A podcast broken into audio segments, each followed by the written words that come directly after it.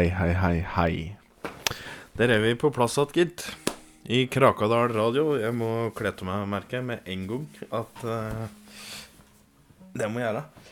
Uh, og så Hen svarte tusen har gjort hos snusen min, forresten?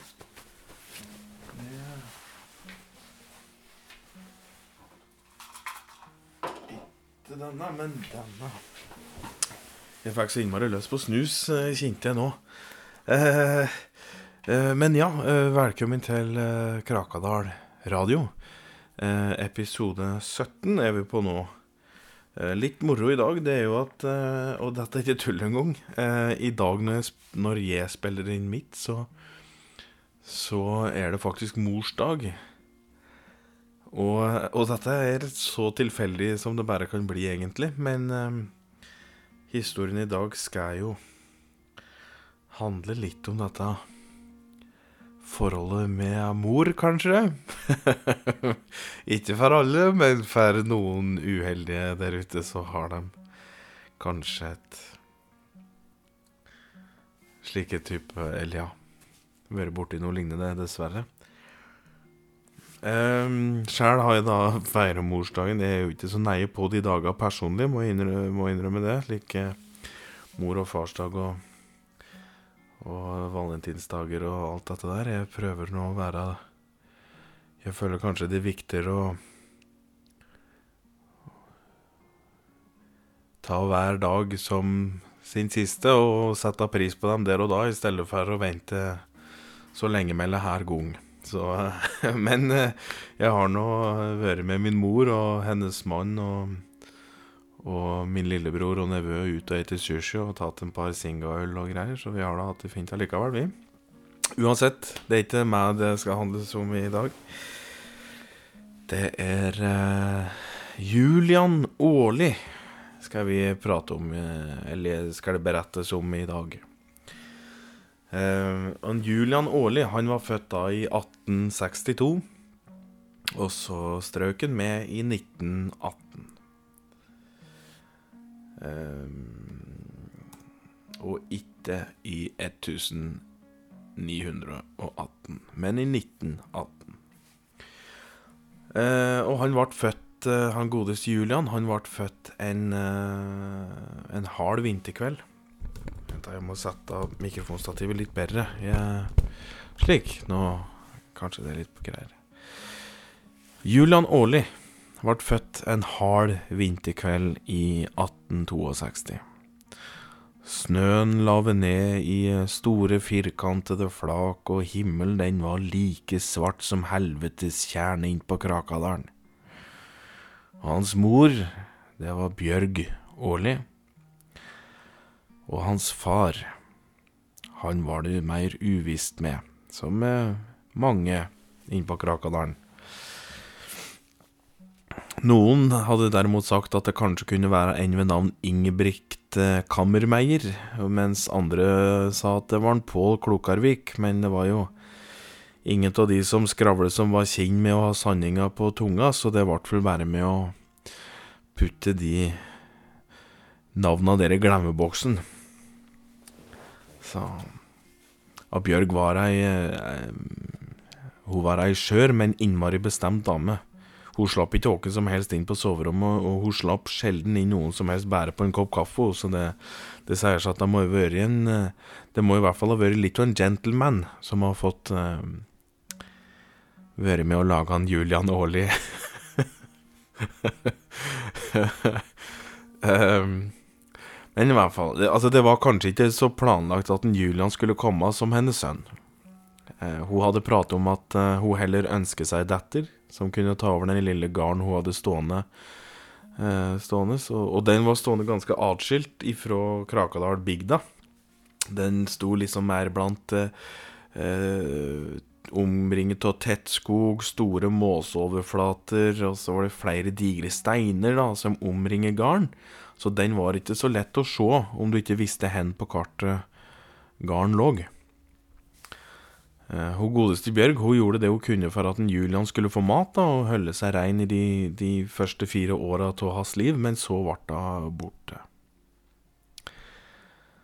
For Julian sin eh, fireårsdag så sa hun at hun skulle bare bort til en gard i nabokommunen for å kjøpe noe av kasse med egg. Eh, men hun kom aldri tilbake. Julian satt på stolen sin hele fireårsdagen sin og så forventningsfullt på kaka som hans mor hadde baka.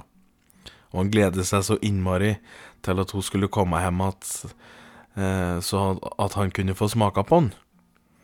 Men uansett, samme tusen her lenge Julian ventet, så kom mor hans aldri inn der. Da sola gikk ned den bursdagen, da så ble jo Julian trøtt, så han prøvde så godt han kunne å holde huget oppe og øva oppe, men så klarte han til slutt ikke noe mer, og så sovna han. Og da han våkna opp igjen, så våkna han i køya si, uten at han kunne minnes hvordan han hadde kommet seg dit. Det var eh, det var noen som gikk utafor der hans, kunne han høre, den morgenen. Og han var sikker på at det var mor hans, men da han sprang ut, så var det ingen i huset. Og kaka, den sto der på bordet framme av stolen hans i kjøkkenkroken.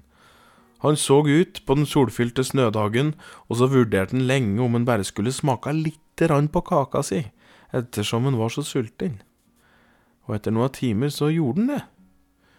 Han gikk bort, og strøk pekefingeren sin nederst på kaka og førte den til munnen sin, og syntes jo, han syntes jo den var himmelsk, vet du. Etter enda en time der han satt på plassen sin, altså etter enda en time som hadde gått, og han satt på plassen sin, og så satt han bare der og så på kaka, men så så klarte han ikke å vente mer etter en times tid. Altså. Da tok han neva sine, og han gravde ned i kaka og åt fort og gæli, så han fikk jo dritvondt i magen. Bokstavelig talt dritvondt. Så den lille guttepjokken han sprang til luthuset og gjorde sitt fornødne, før han da sprang inn igjen og hov i seg enda mer kake. Og så fikk han dritvondt i magen igjen, og da sprang han ut igjen i uthuset, og så tilbake enda en gang da, for å ete det siste og etter at han hadde fått i seg det siste delen av kaka, da la han seg ute i marka og lot den tjukke og kramme snøen omkransen, og slik kunne han da ligge og føle seg trygg. Altså slik fikk han følelsen av at noen holdt rundt den. Og etter ei uke uten at hans mor hadde kommet tilbake, da så tok han, med hjelp fra nabojenta Ida Lande, eh, da tok han fatt i ei, ei fjørpenn. Og Ida hun hadde stjålet eh, ei skrivebok fra mor si hjemmefra, og den kunne Julian få lære til å skrive i, da. Hvis, han, hvis det var slik at han følte for å prate med noen, men ingen var der til å høre på, så kunne han skrive. Og da kunne han via å skrive skrive til hvem han ville, altså prate med hvem han ville. Og den første sida i den boka, så står det Hei, mammaen min. Hei, mammaen min. Hvor enn du nå er. Jeg håper du snart kommer tilbake, siden jeg er litt redd for å være aleine. Når jeg legger meg, så kan jeg høre skritt utenfor da. Og jeg blir først glad siden jeg tror at det er deg. Men når jeg åpner døra, er stua like tom. Og det eneste lyset som skinner inn, det er månelyset. Jeg eter opp maten min, all maten min, som du sa. Og jeg bør igjen ved sånn som på vinteren, som du sa. Jeg tror jeg brukte mellom åtte Nei, fem minutter og åtte timer på det. Jeg har ikke lært meg klokka ennå. Men jeg tror jeg brukte fem minutter og åtte timer på å bære ved. Det er jeg sikker på. Ida kom inn og lurte på om vi hadde melk, så jeg ga henne et glass melk. Og så hadde jeg et glass til meg sjæl til frokosten. Jeg åt brød. Ikke særlig godt. Og munnen føltes litt rar etterpå. Forresten, veit du her? For en dag siden, eller fire dager kanskje sia, så var jeg hos en frisør som kløpte hår. Og veit du hva jeg gjorde da? For frisøren hadde drukket så mye hostesaft at den ble trøtt og savna. Og da tok jeg alt håret jeg fant på gulvet, og puttet det inn i munnen hans. Og veit du hva som skjedde da? han sluttet å snorke. Og det var jævla bra, siden det var jævla sli slitsomt å høre på. Visste du, mamma, at på himmelen så er det over millioner av stjerner? Det sa Ida. Og hun sa at hun hadde fått en stjerne av pappaen sin, og at hvis jeg ville, så kunne jeg velge hvilken stjerne jeg ville, og gi den til deg. Jeg syns det er særlig en stjerne som lyser mye. Jeg har lyst til at du skal få den når du kommer hjem igjen. Jeg gleder meg at du kommer hjem igjen, mamma. Siden da kan jeg, jeg vise deg at jeg har lært å slå i hjul. Og veit du her, jeg klarer å stupe kråka. Det er jo drita lett. Håper du kommer hjem igjen i kveld, fordi jeg savner deg. Og jeg er redd for de som kom, går forbi der når jeg skal sove. Selv om det sikkert er bare, bare mor og bæsj, sa mamma. Hilsen Julian. Julian. Her nevner Julian altså skygger. Han skriver i det notatet du akkurat nå hørte, skritt. At han hører skritt. Og det stemmer nok. For det ingen visste da, men som vi veit nå, så er jo det at Årlighuset det var hjemsøkt av en familie på fire som var drept under Tyttebergkrigen i 1788, da Danmark-Norge prøvde å invadere Sverige. Det var visst bare en gammel gapahuk der Årlighuset var bygd opp, og i den gapahugen så bodde altså da familien Planke, som ble trampet ned av en hel hestebataljon en dag i oktober 1788. Og de skal visstnok ha slitt seg ned i Årlighuset i etterlivet sitt. Og ironien var jo òg slik at i den familien så var det ingen sønner. Så Julian, som foreldreløs, var nok da et kjærkomment bekjentskap for spøkelsesfamilien Planke. Uansett. Eh, Ida kom innom ofte, lærte bort alt det hennes mor lærte henne til Julian. Så Julian sjæl, han kunne bake brød, melke kuer, plukke bær rundt om i skogen, og hans favoritting å gjøre, det var å gå på ormejakt og jakte høgerm. Høgermkjøtt, det var det likeste han visste, og det åt han ofte da det var sommer. Høggerm på bålet og rabarbrasaft i glasset, du veit da koste den fire-fem år gamle Julian årlig seg, gitt. ja. Og Julian og Ida de var ofte borte i Krakadammen og bade sammen om sommeren, og de lo og koste seg mens de sang tullete sanger som de fant på i vatnet en gang eh, når eh, Ida lå og sov eh, i sola oppå en stein som lå ved sjøen, så fant Julian ei flaske med gammel fotsvette oppi. For det var en eller annen lasaron som hadde glemt det. For, for, altså, en liten sidehistorie. Lasarona i Krakadalen eksperimenterte og forsket på alt mulig rart, vet du. Men akkurat herfor det var Eh, fotsvette på fleska, det veit jo ingen enda. Men det er langt ifra det verste de har hatt oppi ei fleske, det, så Så Hell i uhell, for kanskje. Men uansett. Julian fant av denne fleska med fotsvette, og da Julian åpnet denne fleska, og du, fy faen, det luftet noe så inn i helvetes fælt, vet du. Og han brakk seg, og måtte ta fire pust i bakken, vet du, før han reiste seg opp igjen. Og så gikk han bort til Aida. Og da han tok og helte flaska over av Ida, fy flate, spyspruten den sto som ei fontene oppå steinen de lå på, du, og Julian han lo så tåren trille nedover, og og og og og og, og, og, den, de, og tårene hans, de drøpte jo ned på steina og ferde spyet til Ida, vet du, ned i de steinsprekka. Ja. Noen dager etter, da, da var det jo atterat da, på denne steinen ved Krakanammen. På en varm og deilig sommersdag, vet du. Og da var det Julian sin tur til å sevne på steinen. Og han sevner jo på magen, vet du. Da gikk Ida ned i eh, vasskanten, og der så fant hun eh, rumpetroll. Og hun fylte ei krukke helt full òg, vet du. Og så gikk hun opp på steinen igjen og dro ned underbuksen til Julian og helte og klemte med treva hans eh, inn i rumpetroll, vet du. Og rumpetrolla trenger nytt hem, og rumpa di er den største rumpa jeg veit om, så der er det plass til alle som vil, ropte Ida, vet du, mens hun sprang ned til steinkanten og kastet seg ut i vannet. Og Julian, stakkar, han dreit jo rumpetroll i fem dager etterpå, han. Artig syns han ikke var da kvelda Altså, på de fem dager, ta første kvelden, da, fy flate, det det, det, det, det var ikke så moro å skulle sove da han ikke hadde fått ut alle. For at han kunne jo kjenne de skjøre små krible inn i det Inn på det private bakrommet hans, da. Så det Ja. Men etter noen år, da, så da skrev han ei litt tilbake til den dagboka hans, så da hadde han skrevet ei ny side i dagboka. Og det er bare, for det er bare skrevet to sider i den dagboka.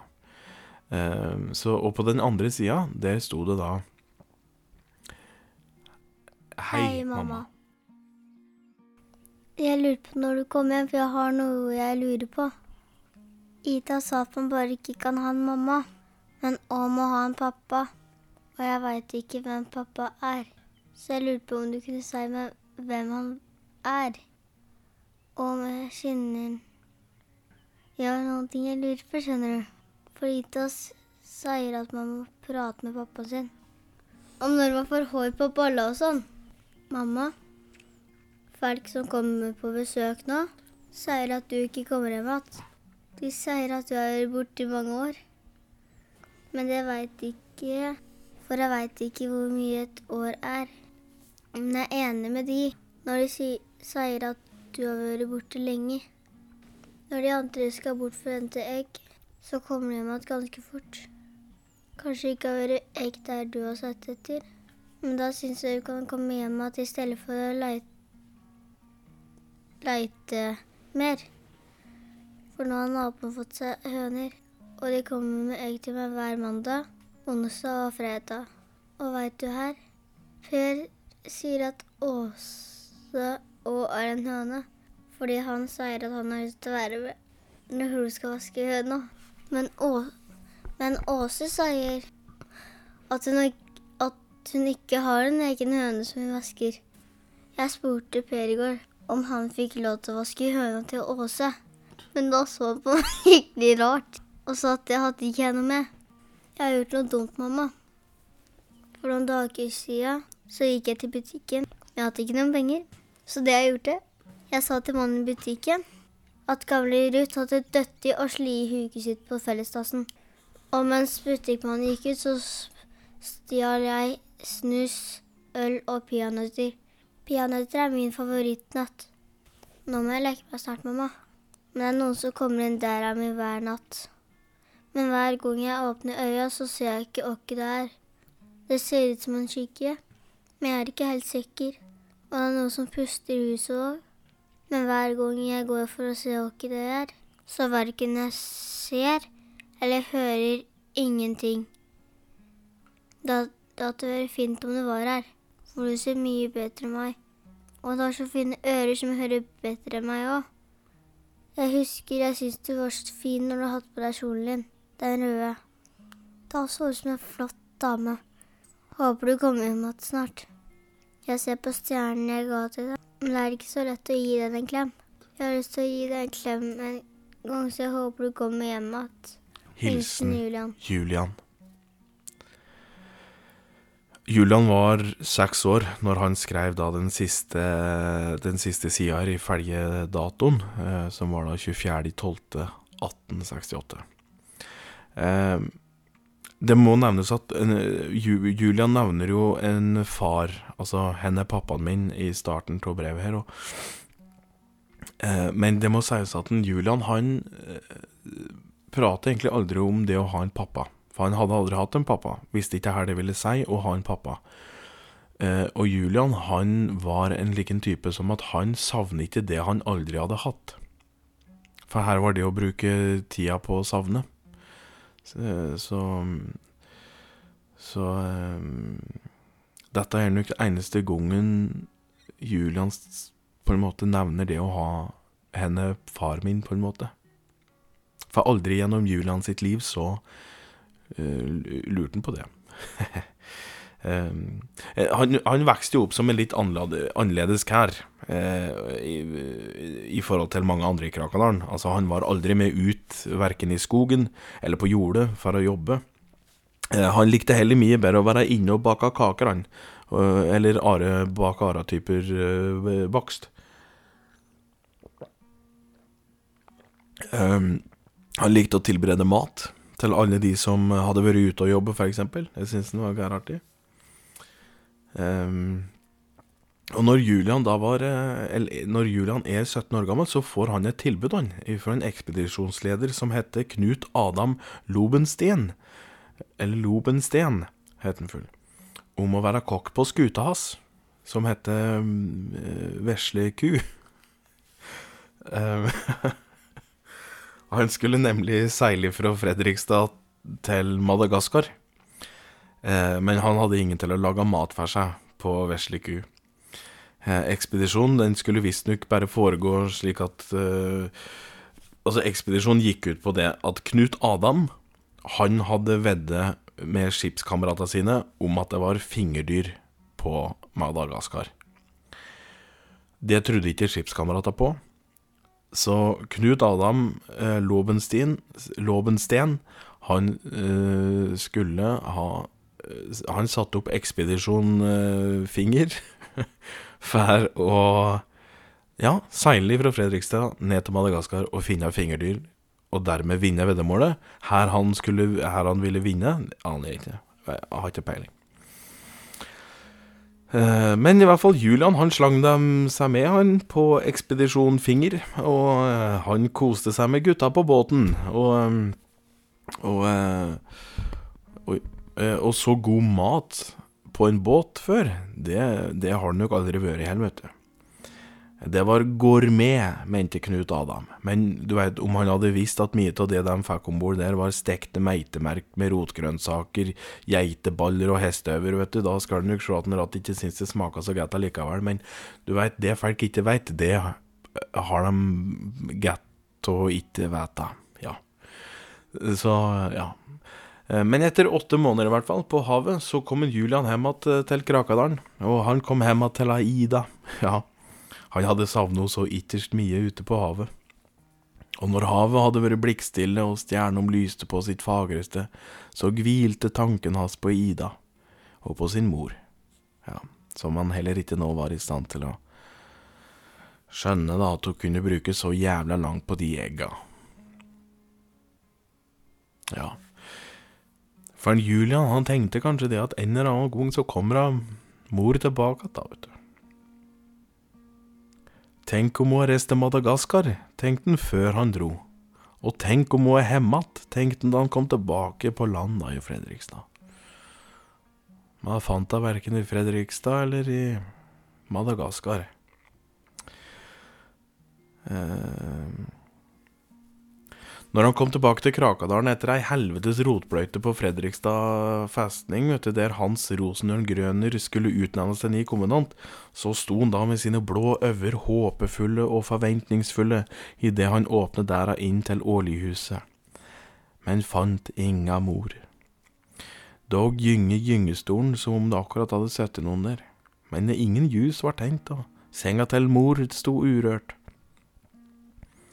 og han felte tre tårer den kvelden. En for minner, en for sinne og ei tåre for lengsel. Så gikk han da bort til Lida etter han hadde felt de tre, så gikk han bort til Lida da og lurte på om hun ville komme på en kopp kaffe dagen etter, noe hun gjorde. Og under det kaffebesøket, da, da sa han Julian da over en lita sup kaffe, så sa han det. Du kunne ikke tenke deg å gifte deg med meg, du, da? Og hun takker jaget. Jaggu gjorde hun det. Og etter flere år med triveligheter for Julian sin del, da, så skjedde det noe med han idet han havnet i ei arbeidsulykke i restauranten han hadde i Krakadalen. Eh, Værmat. Ja, det var det restauranten hans het. Værmat. eh, for en høstkveld i 1899, når Julian er 37 år gammel og nesten har mistet synet sitt, så tar han feil av oliven som han da hadde fått det fra en kompis han seilte med under eh, Knat, Knut Adam da, under fingerekspedisjonen, og ei nøttekroke som han hadde fått av Ida sin far for å holde unna huset deres.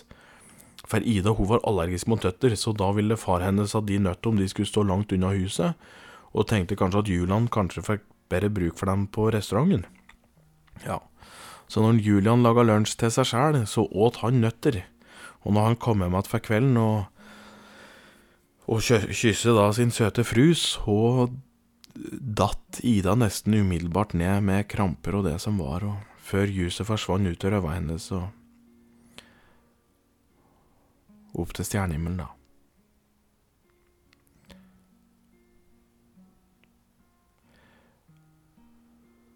Og når han kysset sin søte fru, så datt Ida nesten umiddelbart ned med kramper og det som var før ljuset forsvant ut ur øva hennes og opp til stjernehimmelen. Julian datt da i en eh, djup depresjon som ingen klarte å rive han vekk ifra. Han banker på der at det fanden sjæl og ga han da en real omgang juling, og etter det da tok fanden og sendte sine verste demoner til å hemsøke en Julian hver kveld etter solefall og Julian lå med mareritt og tungsinnige drømmer om sin mor Bjørg og sin søte frue Ida om han, og noen ganger, i de mest intime drømmom, så tok den ene jæveldemonen og bytte ansikt og kropper på dem sånn Julian våkna med blaute bukser og en skam som etter hvert var uutholdelig å leve med. Han forbanner livet sitt, og han forbanner vår jord. Han eh, skrev en sang til sin mor under den tida, som ble gjenskrevet av en vandrer som eh, hette Hjalmar Gorseth, som tilfeldigvis kom gående bak en av de steinene rundt Årlighuset fra Rennebu. Hans sang var så fascinerende at han satte seg ned og, og skrev og sang de ordene han hørte, da, og de gikk da om att og om att og om att til de seine kveldstimer. Og den kan jo jeg, da, vet du. Og den kan jo òg skårbugde. Eh, jeg har jo spilt den en del sjøl, og spilt den en del med skårbygde. Og nå skal jeg bare finne gitaren, og så skal jeg spille den. Eh.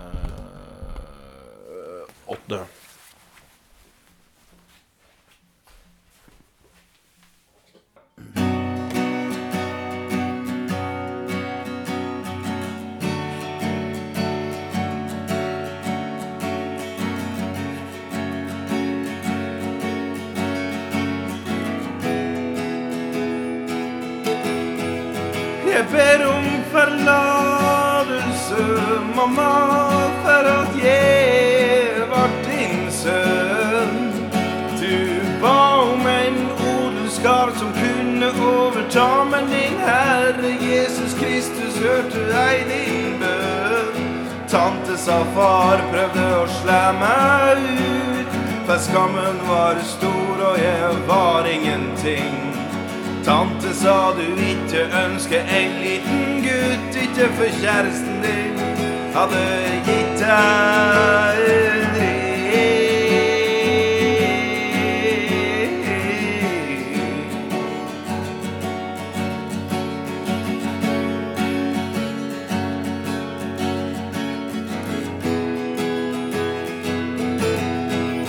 Jeg ber om forlatelse, mamma, for alle mine synder og tanker. Jeg gjorde ingen vondt da jeg gikk på skula, men jeg satte meg sjæl til en og annen dranker. Du ba meg flette ut da jeg var åtte år. Jeg sa det var greit å pakke mine ting Jeg triller trillebår. Rundt hvit og lege sår, så jeg tok mine første skritt på bedre kår.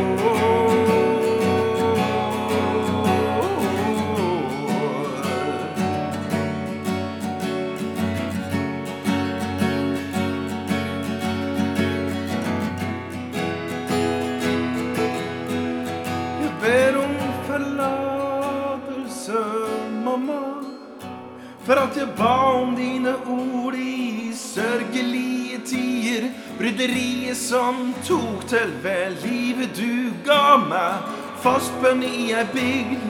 fylt av hybrider, og vi ses på den andre sida, kjære mor.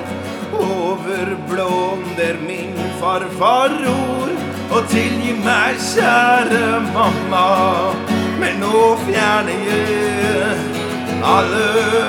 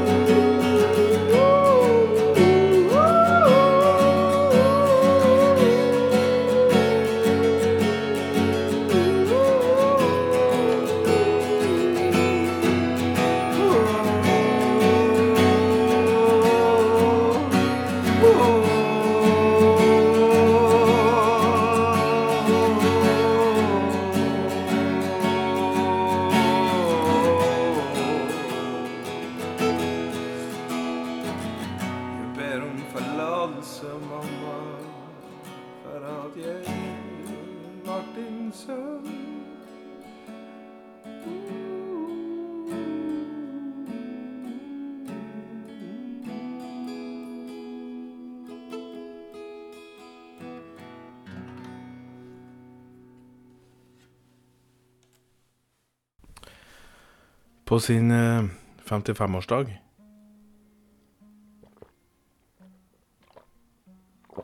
i eh, 1918 så sitter Julian på plassen sin i kjøle... Ikke i kjølekroken, men kjøkkenkroken. Inne på Årlighuset. Eh, bak seg der står gjenferdfamilien Plank. Eh, eller Planke.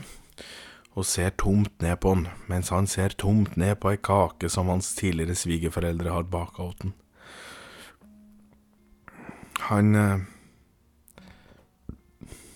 Han ønsker ikke besøk på sin fødselsdag, så han eh, takker for kaka og sendte de visstnok da hjem igjen. Han eh, så på kaka lenge, og så så han til sin venstre, for der var plassen til Ida, men det satt jo ingen Ida der. Og han så så til sin høyre, som, som da hadde vært plassen til Bjørg, hans mor. Men det satt jo ingen mor der heller. Så han så ned på kaka med kalde, kalde tårer rennende som is gjennom furete hud og inn i skjeggkrateret han da hadde spara siden dagen Ida ble gravlagt.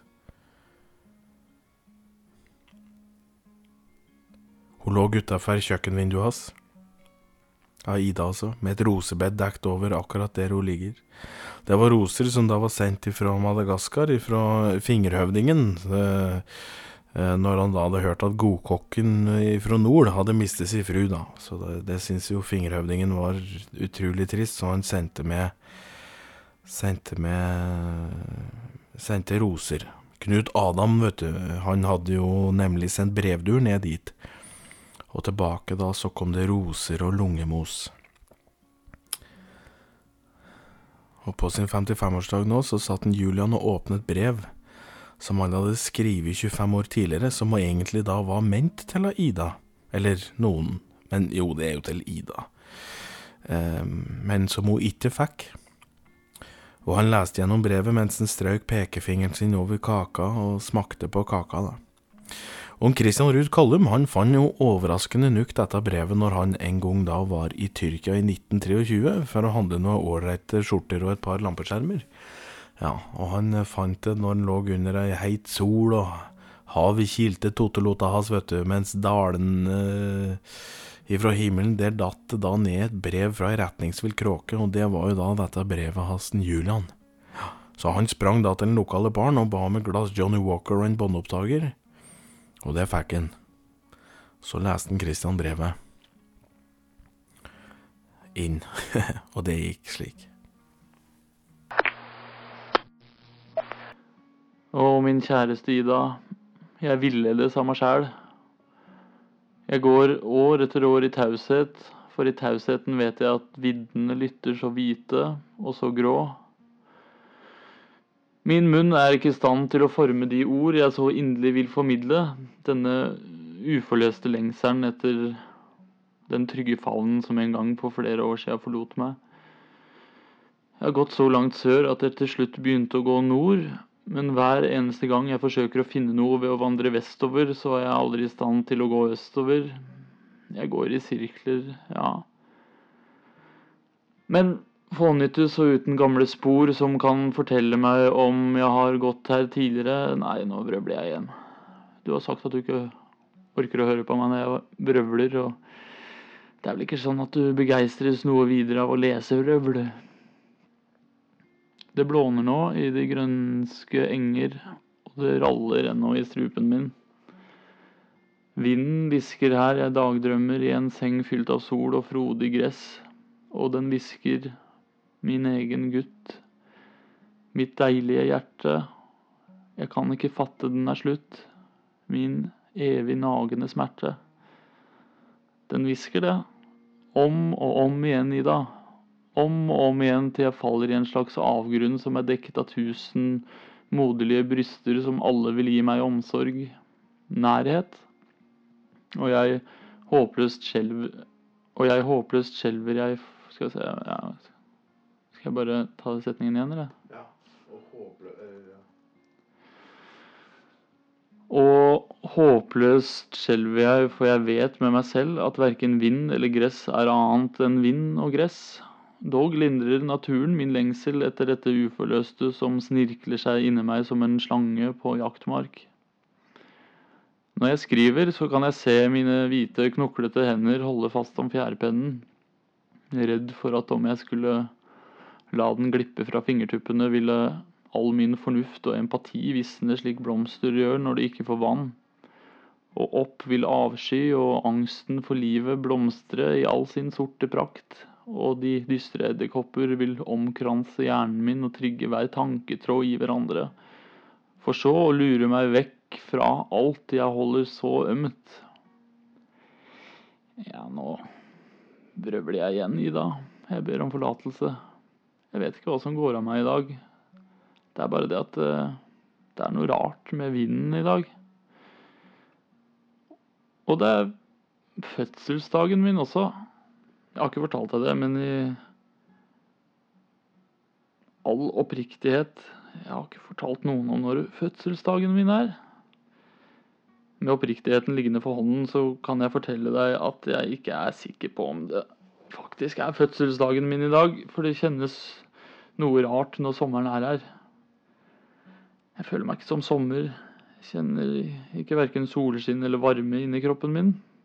Det er først når engene er snødekte og jeg ligger med armer og bein spredd ut i kram snø, at jeg kjenner meg hel. Da kjenner jeg meg hel, Ida. Men når du og jeg er sammen på sommerkveldene, så kjenner jeg meg også hel. Det er vel bare det jeg ville skrive til deg. At jeg er så glad for at uh, du og jeg har fått vokse opp sammen. Og at du og jeg har gifta oss. Det var ikke noe jeg trodde når du fylte hele rumpa mi med rumpetroll og halvvoksne frosk den gangen i barndommen, men jammen tok du min ungdom med storm. Skogen ulmer tungt av gru. Jeg kan kjenne jeg lever når blodet isner. Det råe gufset siger i elvebruset, og steinene titter fram og ser på meg og gliser. Så tenker jeg på deg, og angsten svinner i breenes hare og frosne splinter. Jeg ser fram til at jeg kommer hjem.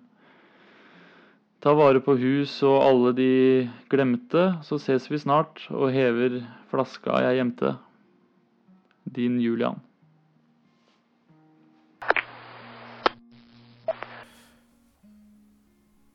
Etter Ja, det var da brevet Julian årlig skrev da til sin fru. Leste opp av Christian Ruud Kollum.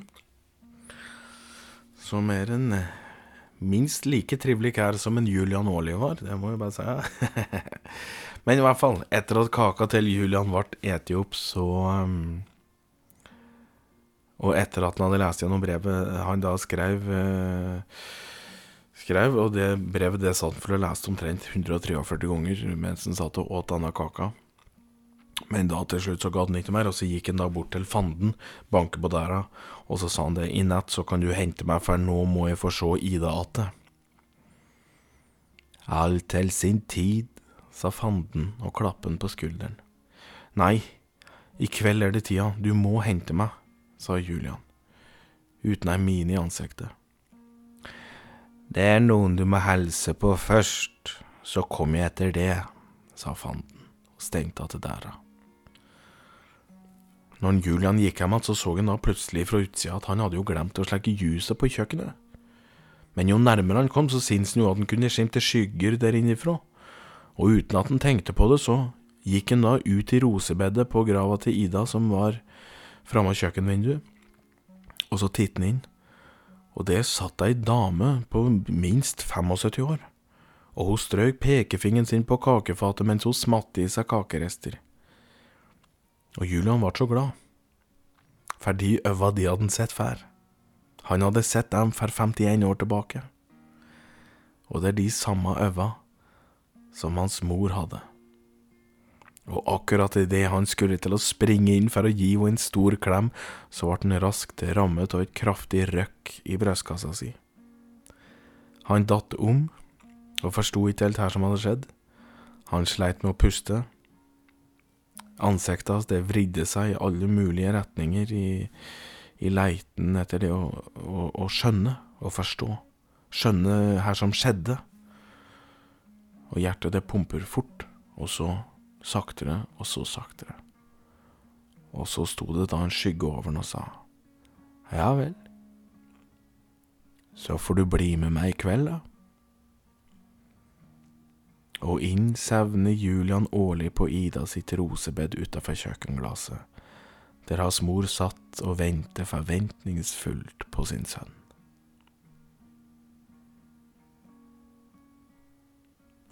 Og slik slutter også historien om en Julian Aarli.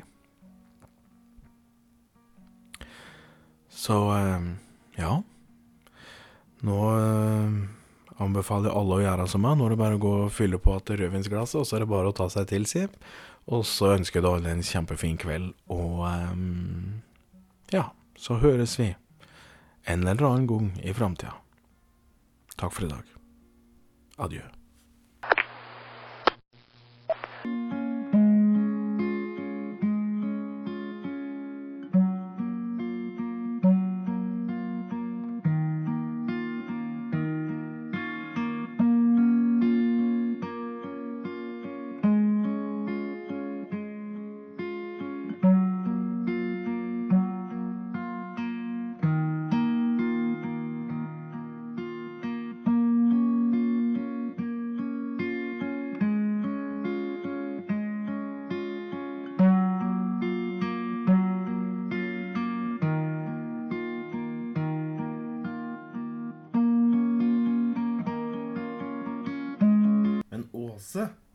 sier Men Åse sier Men Åse sier at hun ikke har en egen høne som hun væsker.